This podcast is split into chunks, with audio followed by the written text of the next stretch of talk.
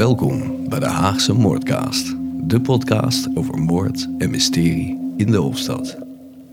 En met meer dan 5000 unieke luisteraars mogen we toch wel concluderen dat de Haagse Moordcast een publiek gevonden heeft. En dat vind ik hartstikke leuk.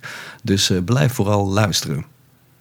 Voor de zaak die ik in deze aflevering ga bespreken, gaan we even terug naar de Volmaranstraat in de Haagse buurt Transvaal.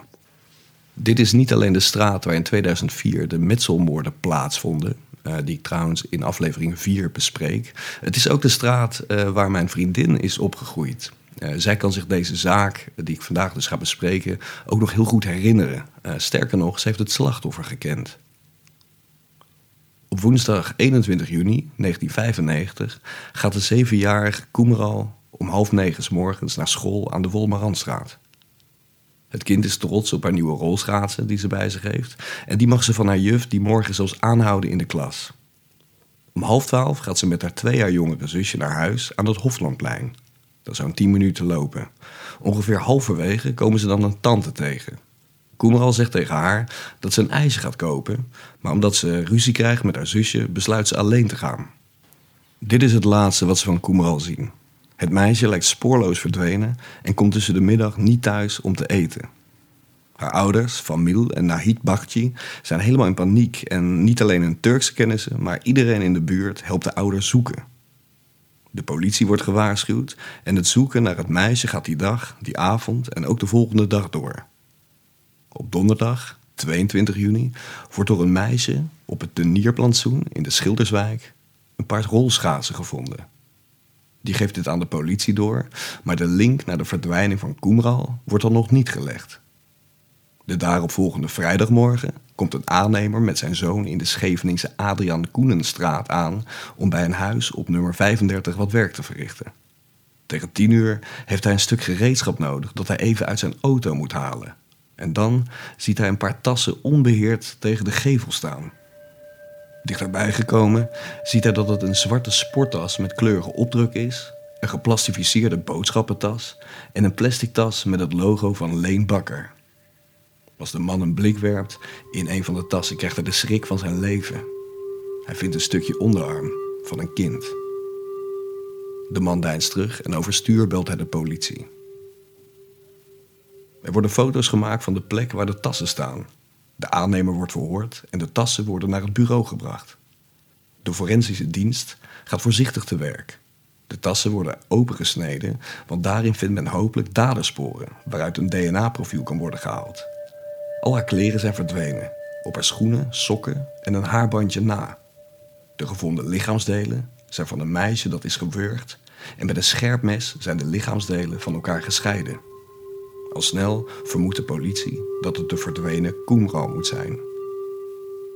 Diezelfde vrijdag krijgen de ouders van de politie het verschrikkelijke nieuws te horen dat hun dochtertje is gevonden, verkracht en vermoord. De recherche gaat er in eerste instantie van uit dat er sprake is van een afrekening binnen de familie. Dit omdat een drie maanden eerder aan stukken gesneden man, Haider Aydin, verre familie blijkt te zijn van Koemral. Maar de recherche vindt geen concrete aanwijzingen die het vermoeden van een eerwraak hard maken. Koemeral is een van de vier kinderen uit het gezin Bakci, van wie de vader, Famiel, een goedlopend loonwerkersbedrijf in het Haagse Transvaalbuurt heeft. De politie maakt zich hard voor deze gruwelijke moord en begint met het horen van verschillende getuigen die Koemeral die woensdagmiddag hebben gezien. Een schoolgenootje en een buurvrouw bevestigen nu pas dat een geblondeerde vrouw met een opvallende ring Koemeral in een auto heeft getrokken. Ook wordt er beweerd dat Koemeral later die middag nog is aangesproken door een onbekende blanke blonde man.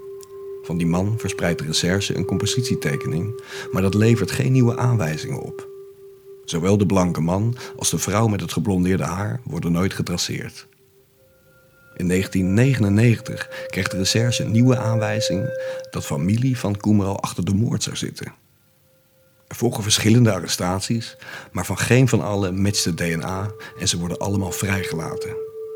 In 2002 houdt het landelijk team Kindermoorden alle feiten opnieuw tegen het licht en dat resulteert erin dat acht jaar na de dood van Koemeral, begin september 2003, de politie twee verdachten aanhoudt.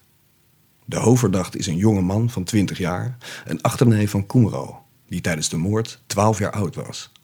Hij ontkent iets met de moord te maken te hebben, maar de recherche heeft zijn vingerafdrukken op de plastic tassen aangetroffen, waarin het in stukken gesneden lijkje van Koemeral was verpakt.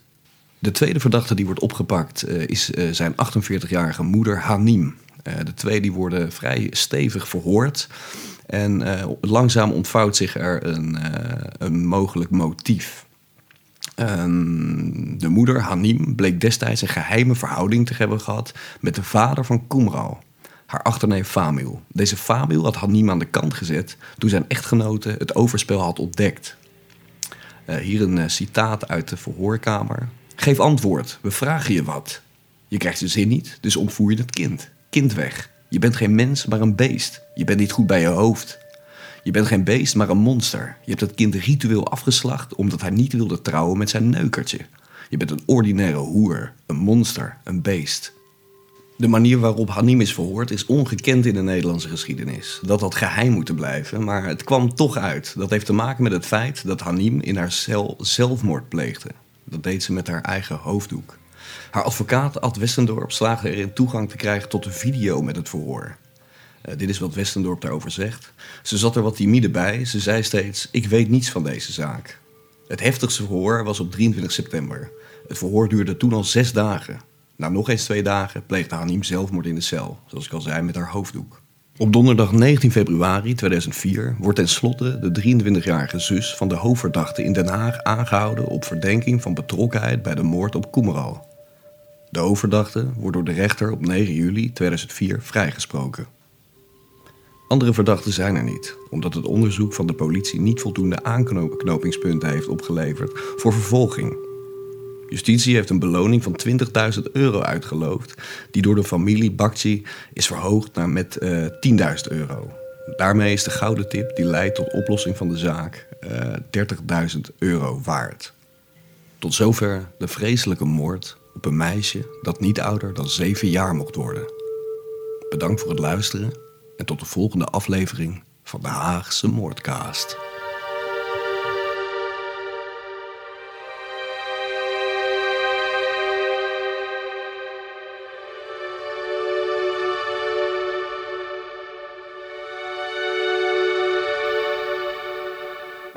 Bedankt voor het luisteren naar deze podcast. Voor foto's en updates verwijs ik jullie door naar mijn Instagram of Facebookpagina Haagse Moordcast. Tot de volgende aflevering.